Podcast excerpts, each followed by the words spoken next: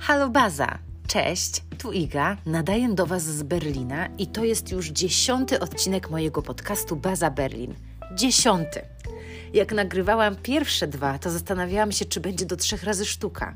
Dwa odcinki temu mówiłam Wam, jak bardzo się cieszę i wzruszam i emocjonuję, że odsłuchaliście tych podcastów już tysiąc razy. A teraz? Teraz siedzę w swojej szafie, jak to czwartek o siódmej rano i widzę, że, widzę, że odsłuchań jest już prawie 1700.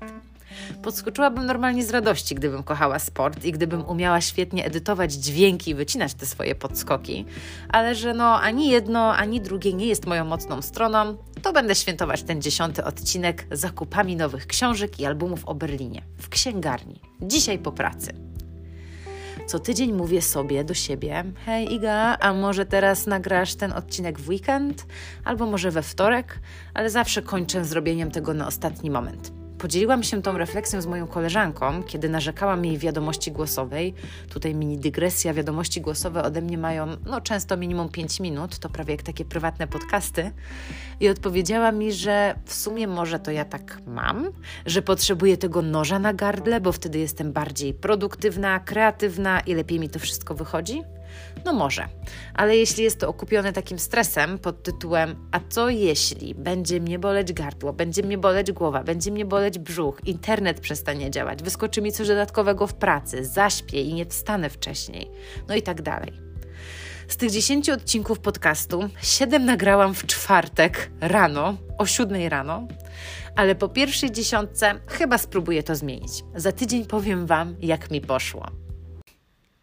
Koniec tych przedłużonych wstępów, przejdźmy do tematu odcinka. Po ostatnich faktach i konkretach na temat Aleksanderplatz, dzisiaj postanowiłam pogadać do Was trochę bardziej na luzie. Niedawno minął rok, od kiedy w Niemczech, w Berlinie, wykryto pierwszy przypadek zachorowania na koronawirusa, i niedługo minie rok, od kiedy żyjemy w takim naprzemiennym lockdownie, chociaż w sumie to we wiecznym lockdownie z wakacyjną przerwą. Nie zamierzam tutaj wchodzić w żadne koronawirusowe statystyki, update'y i informacje, ani oceniać ograniczeń, które zostały nałożone na Berlińczyków i wczoraj przełożone, przedłużone. Opowiem Wam po prostu o tym, jak ja spędzam czas wolny, co robię, jak zwiedzam Berlin i z czego w mieście korzystam, oraz o tym, za czym najbardziej tęsknię i co zrobię i gdzie pójdę, kiedy tylko w końcu będzie można. Myślę, że sporo tych tipów będzie przydatnych dla Was, mieszkających w Berlinie, ale też dla tych, którzy odwiedzą Berlin po pandemii. Większość z pomysłów jest uniwersalna, darmowa i sprawdzi się w każdą pogodę. Małe wprowadzenie dla osób spoza miasta. Aktualnie w Berlinie panuje dość e, restrykcyjny lockdown i mniej więcej w takim kształcie trwa on od początku listopada. Zamknięte są siłownie, kluby fitness, baseny, kina. Zamknięte są bary, restauracje, kawiarnie. Oczywiście działają na wynos. Zamknięte są sklepy, poza aptekami, sklepami z jedzeniem, drogeriami i księgarniami. Od 1 marca możemy chodzić już do fryzjera, ale kosmetyczki, spa, masaże, no to wszystko nie działa. Nieczynne są też muzea, galerie sztuki i kina. Oficjalnie wprowadzone zostały również ograniczenia kontaktów. Na dzień dzisiejszy, a raczej do dzisiaj, spotkania były możliwe z maksymalnie jedną osobą spoza gospodarstwa domowego.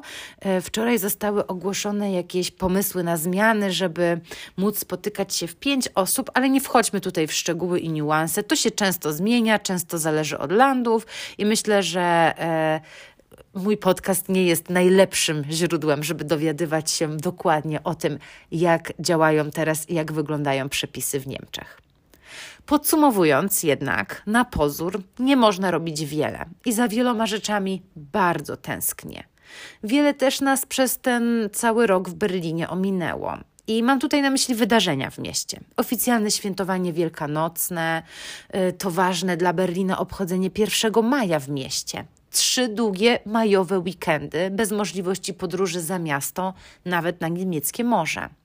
Wakacje przyszedł odwilż, ale wraz z jesienią zostaliśmy znowu w domach. W grudniu moje serce trochę się złamało, bo nie było jarmarków świątecznych, a jak już wspominałam kilka razy, to zawsze była jedna z moich ulubionych rozrywek i w ogóle grudzień w Berlinie był chyba moim ukochanym miesiącem, do czasu pandemii of course. Wiosną, rok temu, zamknięte zostały wszystkie muzea. Latem zostały ponownie otwarte, ale wtedy chyba nikomu, albo przynajmniej mi, przez myśl nie przeszło, że na jesień znowu to wszystko będzie zamknięte. A latem to było mi szkoda tych pięknych dni i nie chciałam spędzać ich w środku, w budynkach. Ja uwielbiam słońce i upalne dni, więc wizyty w wielu muzeach zostawiłam sobie właśnie na jesień. No i co? I nic. Mamy marzeń, i marzec i nadal nie mogę ich odwiedzić. Jest wiele takich rzeczy, które męczą, denerwują i frustrują mnie mniej i bardziej, i chyba nie muszę o tym mówić po roku w tym lockdownie, który wpłynął na wszystkich. Podzielę się z Wami jednak pozytywnymi rzeczami, takimi moimi sprawdzonymi pomysłami, sposobami na spędzenie wolnego czasu w Berlinie. Większość z tych rzeczy możecie zrobić w pojedynkę lub w towarzystwie, ale tak, aby nie łamać lockdownowych reguł. Punkt pierwszy to rower. Zaczęłam z grubej rury, co nie? Ja muszę mój przywrócić do życia po tej zimie. Dni są coraz dłuższe i cieplejsze, więc wycieczki rowerowe to teraz chyba najlepszy patent na spędzanie wolnego czasu. Jeśli mieszkacie w Berlinie, to wykorzystajcie to. Wykorzystajcie to, że w mieście jest mniejszy ruch i mniej turystów. Najlepsze wycieczki rowerowe po mieście zrobiliśmy wiosną rok temu. Ulice w niedzielę były prawie puste. Pod bramą brandenburską nie ma tłumów. Jeździ się po prostu przyjemniej i po prostu łatwiej i bezpieczniej. Polecam wsiąść na dwa kółka i pojechać po prostu przed siebie, spojrzeć na inne strony miasta. Może jakieś osiedle obok tego, na którym mieszkacie? Przewaga roweru nad spacerami, które też uwielbiam, jest taka, że rowerem po prostu szybciej można zobaczyć więcej, szczególnie jeśli nie macie zaplanowanej trasy. Ja pierwsze wałęsanie się rowerem po okolicy zaplanowałam na dzielnicę Pankow, która jest całkiem niedaleko mnie, ale nigdy jakoś się tam nie wybieram. No chyba, że do parku, pięknego parku. Chcę też objechać słynne blokowiska w Berlinie na Märkisches Viertel. Jak tylko będzie cieplej, szykuję się też na dłuższe trasy, już poza Berlinem, bo to z nich właśnie słynie Brandenburgia. Drugi punkt i taki pomysł to spacery. Brzmi jak nuda? Macie ich dość? No trudno, dla mnie nadal są super. Jeśli nie w towarzystwie, to może z podcastem Baza Berlin na uszach? Dwa odcinki podcastu to jakaś godzinka. W szybkim tempie zrobicie może nawet 7000 kroków. Planuję w ogóle nagrać odcinek, a raczej kilka odcinków o ulubionych miejscach spacerowych w Berlinie ale jest ich tak wiele, że nie wyrobię się w jednej audycji. Już teraz polecę Wam więc moje ulubione. Park Reberge. Wiecie, jak mało osób w Berlinie go zna? Kiedy mówię, że to jeden z moich ulubionych parków, to rzadko kto wie, jakie miejsce mam na myśli. A tam dojedziecie metrem, jest na Weddingu, a nie pod miastem. W parku jest takie jakby mini zoo, a raczej powinnam powiedzieć, że zwierzątka sarenki mieszkają w zagrodzie w lesie. Jest całkiem spora górka na sanki, w lutym była dość oblegana. Jest też sporo przestrzeni do gry w piłkę, w badmintona, na spacer z psem czy nawet na rower kilka stawów i plac zabaw. Latem działa tutaj e, kino na świeżym powietrzu. Ten park jest naprawdę ogromny. Zaraz obok niego znajduje się jezioro Plotzense, malutkie jeziorko z plażą miejską. Latem się tutaj kąpałam, teraz polecam zrobić sobie taki spacer dookoła. Kolejnym punktem e, i fajną trasą spacerową jest las nad jeziorem Flughafense. O nim też już mówiłam. Uważajcie na dziki, ale tak poza tym to po prostu cieszcie się piękną przyrodą. Coś bardziej pośrodku miasta? Hmm, to może Tiergarten. Piękny park w okolicy Bramy Brandenburskiej, pomiędzy nią a berlińskim zoo. Jest rozłożysty, zajmuje tereny po dwóch stronach ulicy. Można spokojnie spacerować po nim przez dwie godziny. Cudowny zimą przy śniegu, a śnieg ma do nas podobno wrócić w przyszłym tygodniu. Wiosną bajka, latem też cudowny. Można schować się w cieniu i e, spędzić sobie bardzo miło czas. A może Wiktoria Park na Kreuzbergu? Ten z charakterystyczną górą i z pięknym widokiem na całe miasto. Odwiedziłam go właśnie w ten weekend i bardzo, bardzo mi się podobało. Parków w Berlinie jest całe mnóstwo i tak łatwo je znaleźć. Wystarczy otworzyć Google Maps i zobaczyć na mapie Berlina takie wielkie zielone plamy, zielone przestrzenie. Na pewno w jednym z wiosennych odcinków opowiem bardzo szczegółowo o moich ulubionych parkach i zdradzę Wam kilka ciekawostek i sekretów z nimi związanych, ale już teraz zachęcam Was po prostu do spacerów. Jeśli Wam, tak jak i mi, brakuje zwiedzania, dawki nowej interesującej wiedzy o mieście, o historii i jesteście fanami muzeów i galerii sztuki, lub nawet jeśli nie jesteście, ale po prostu potrzebujecie i chcecie zrobić coś innego, mam kilka pomysłów. W Berlinie jest kilka miejsc, które można zwiedzać bez wchodzenia do budynku, na spacerze. Nie nazwę tego wystawą, ale raczej trasami spacerowymi. Większość z tych, o które za chwilę opowiem, już za mną i bardzo je Wam polecam. Inne mam zaplanowane na przyszły tydzień. Na pierwszy rzut chciałabym Wam polecić spacer od Alexanderplatz do Frankfurter Tor i odkrycie socrealistycznych perełek architektonicznych Berlina Wschodniego. Ciekawe historie i informacje dotyczące mijanych budynków umieszczone zostały wzdłuż całej ulicy Karl Marx Are w dwóch językach, angielskim i niemieckim. Chcecie wiedzieć więcej po polsku i nie chce się Wam wyszukiwać w internecie informacji o budynkach? Posłuchajcie mojego ostatniego odcinka podcastu o Aleksander Platz. Tam dosyć szczegółowo opisuję całą trasę. Moim zdecydowanym ulubieńcem, taką perełką i trasą zwiedzania, do której na pewno wrócę. I mam nadzieję, że ktoś z moich wyczekiwanych gości będzie nią zainteresowany, a jak nie, to chyba go przymuszę. To jest Hansa Viertel. Hansa Viertel to osiedle mieszkaniowe w północno-zachodniej części Berlina, niedaleko dzielnicy Moabit. Spędziłam między tymi blokami i budynkami kilka godzin w szarą, pochmurną sobotę w lutym i do dzisiaj jestem pod ogromnym wrażeniem. Hansa Viertel powstało w odpowiedzi na projekty budowlane w Berlinie Wschodnim w latach 50., na te, o których mówiłam przed chwilą i w poprzednim odcinku podcastu. Na terenach Berlina Zachodniego, zbombardowanych i totalnie opustoszałych po II wojnie światowej, zaplanowano w latach 50. wybudowanie nowego, wysokofunkcjonalnego osiedla. Do pracy zaproszono architektów z całego świata, a prezentację ich pomysłów, po części już zrealizowanych, zaplanowano na rok 1957 i międzynarodową wystawę architektury Interbau 57. I właśnie tym Interbau 57 często określa się tutaj kompleksy budynków, o których teraz Wam trochę opowiem. Najsłynniejszym z nich jest siedmiopiętrowy, ogromny blok zaprojektowany przez brazylijskiego architekta Oscara Niemeyera. Przejścia pod tym budynkiem są otwarte ze względu na bardzo charakterystyczną konstrukcję z trzymających blok hmm, kolumienek, takich podstaw w kształcie litery V. W budynku znajduje się 78 mieszkań i czytałam, że niektóre z nich urządzone są w stylu lat 50. i można je wynająć krótkoterminowo, na przykład przez Airbnb. Budynek robi ogromne wrażenie z zewnątrz. Jeśli wybierzecie się tam na spacer, zwróćcie uwagę między innymi na takie kolorowe mini kafeleczki. Wejście do każdej klatki jest innego koloru.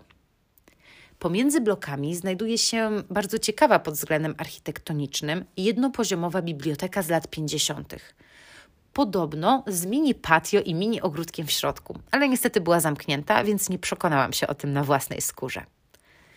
Na Hansa Viertel możecie podziwiać także budynek Berlińskiej Akademii Sztuk Pięknych, zaprojektowany przez architekta Wernera Dutmana i wybudowany w 1960 roku.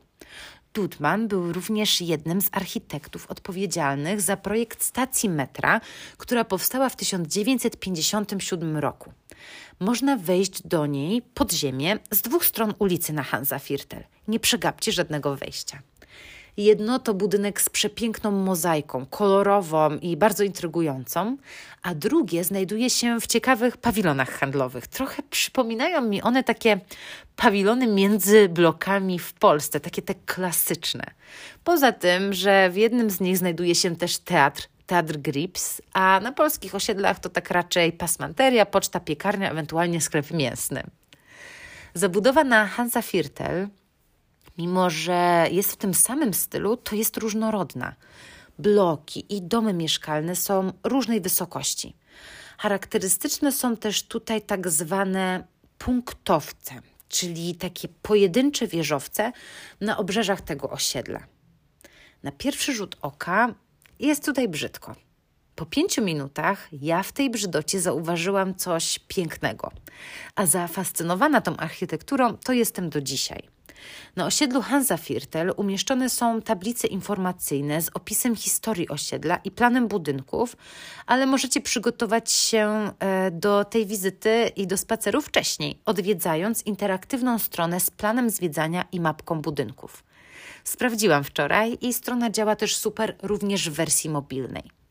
Dowiecie się z niej wielu szczegółów, przeczytacie opisy wszystkich budynków, historię dzielnicy, poznacie sylwetki architektów, którzy ją stworzyli.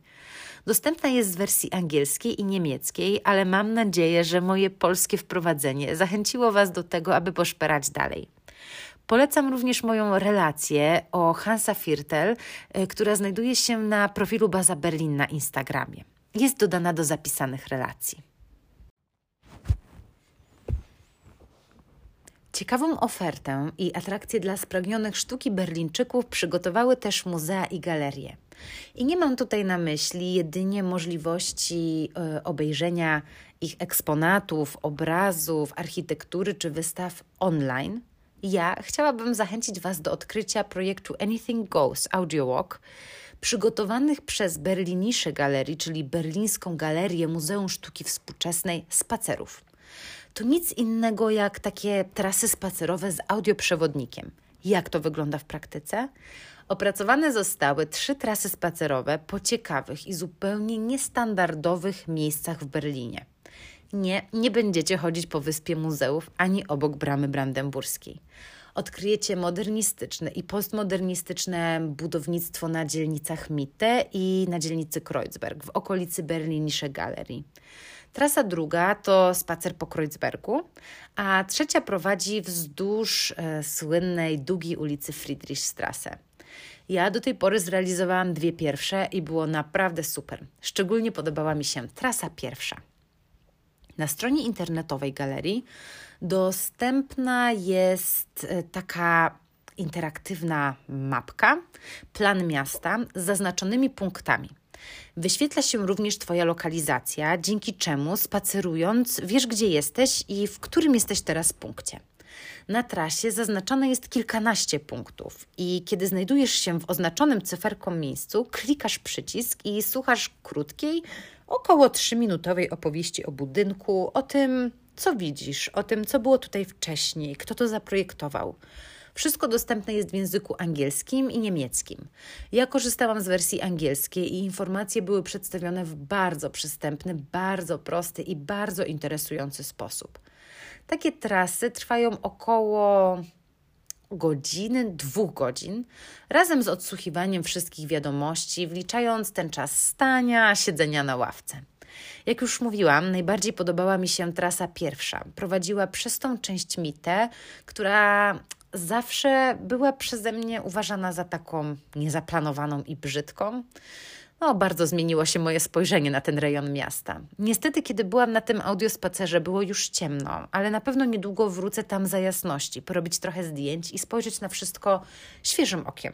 Nie spodziewałam się, że na przykład w centrum Berlina ukryte są modernistyczne wille z dwupoziomowymi apartamentami i ogrodami, ani że metalowe konstrukcje na dachu budynku mają nawiązać do niepodległego i silnego okrętu. Ciekawa sprawa, naprawdę polecam. Dla mnie te trasy spacerowe mają jeszcze towarzyski walor, bo umawiam się na nie z koleżanką, z Pauliną, e, o której blogu już Wam wspominałam e, i Podlinkuję go jeszcze w opisie tego odcinka. Paulina opowiada w języku polskim i angielskim o Berlinie i o Brandenburgii i skupia się też na tym, co można robić w Berlinie z dziećmi i jak spędzać wolny czas z całą rodziną. To ona znalazła informacje o tych trasach spacerowych i to ona wyciągnęła mnie na pierwszy z nich. Został nam już do zrobienia tylko jeden taki spacer, właśnie trasa trzecia po ulicy Friedrichstrasse, więc niedługo wyszukamy sobie na pewno kolejnych innych tras ze zwiedzaniem i wtedy podzielę się z Wami nowymi pomysłami.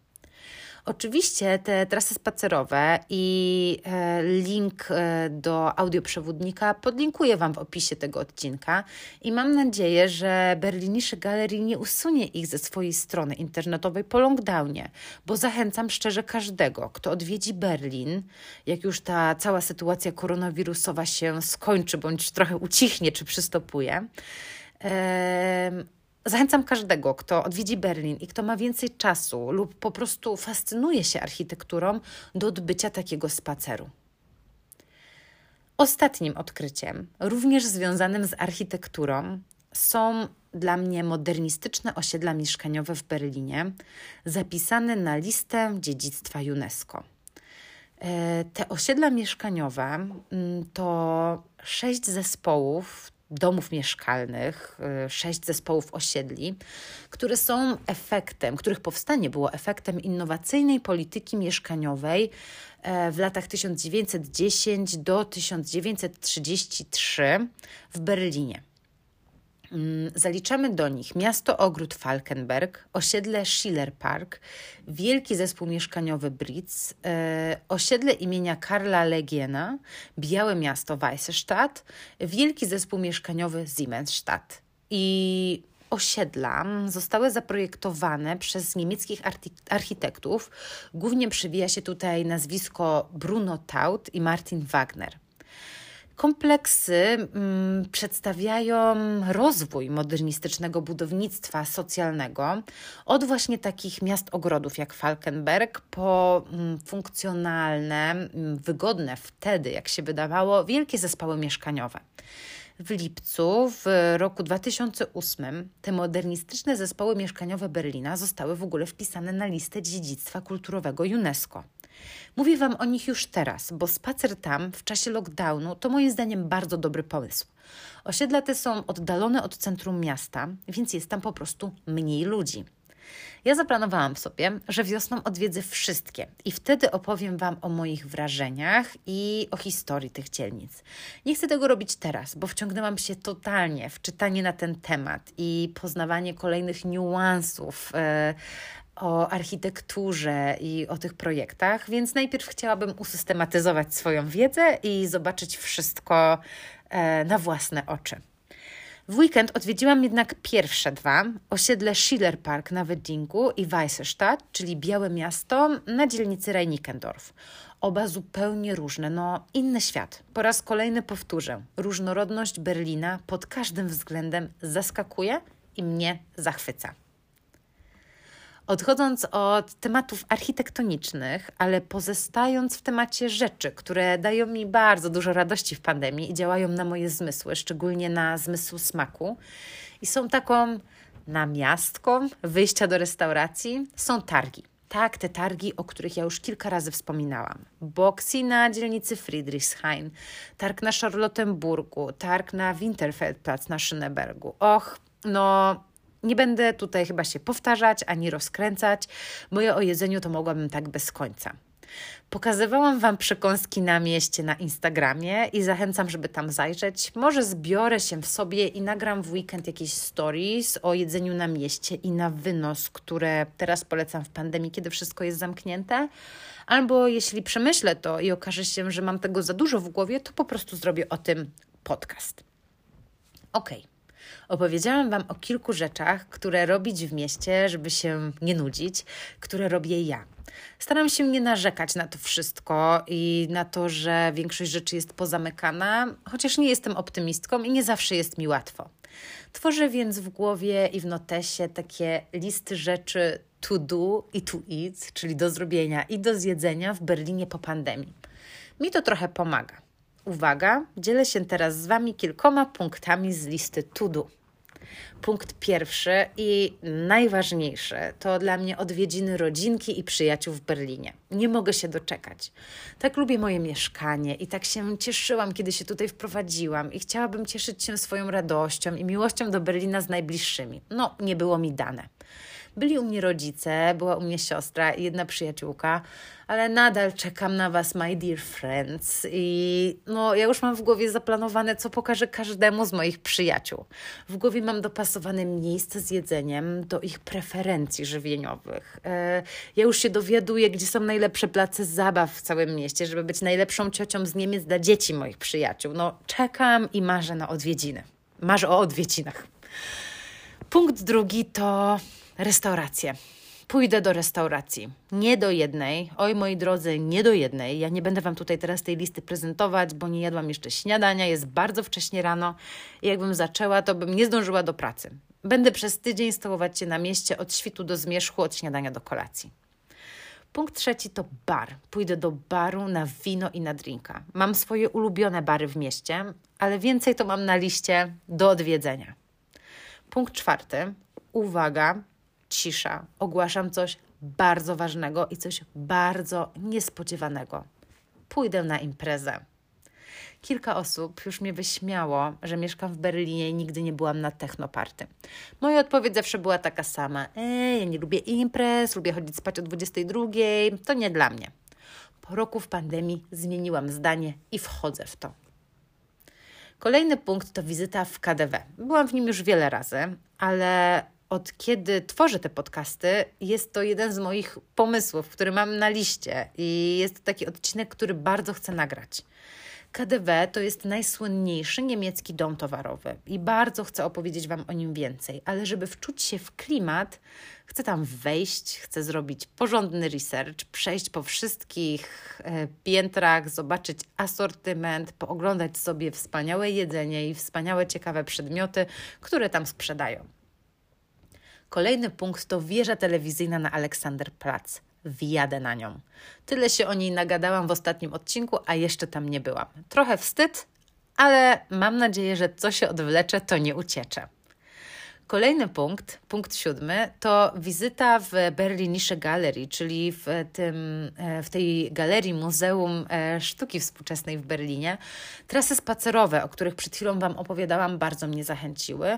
Ja w ogóle chciałam odwiedzić tą galerię już przed pandemią, ale akurat tak się nie złożyło. Punkt ósmy to wizyta w Futurium, czyli takim jakby muzeum przyszłości, którego budynek uwielbiam. Znajduje się ono przy dworcu głównym Hauptbahnhof w Berlinie i nowoczesna forma intryguje już z zewnątrz. Punkt dziewiąty to wycieczka po podziemiach Berlina z przewodnikiem. Słyszałam o trasach z takimi tunelami, jakimiś bunkrami. Pójdę, sprawdzę, dam Wam znać.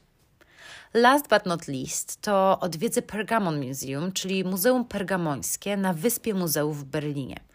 Wcale nie sądzę, że jestem największą fanką zbiorów, które tam są prezentowane, czyli antycznej sztuki hellenistycznej czy rzymskiej, ani tym bardziej sztuki islamskiej. Mam jednak taką ochotę pójść do typowego, w cudzysłowie typowego oczywiście, muzeum. No i bardzo podobają mi się budynki na Wyspie Muzeów. Wszystkie, więc w sumie wszystkie muzea chciałabym odwiedzić. Miało być ostatnie, ale dodam taki y, punkt jedenasty bonusowy. Otóż marzę o wizycie u kosmetyczki, e, o zrobieniu sobie paznokci, o masażu i o jakimś takim spa i zadbaniu o swoje ciało. Jest to teraz po prostu niemożliwe, e, więc jak tylko się uda, to wchodzę w to totalnie. Mam już zaplanowaną wizytę u fryzjera, bo od 1 marca salony fryzjerskie są otwarte, otwarte, więc to będzie dla mnie taka namiastka zadbania o siebie, ale czekam na więcej. Dla balansu powinnam dodać tutaj jeszcze listę rzeczy, które planowałam zrobić po pandemii podczas pandemii, ale których nie zrobiłam.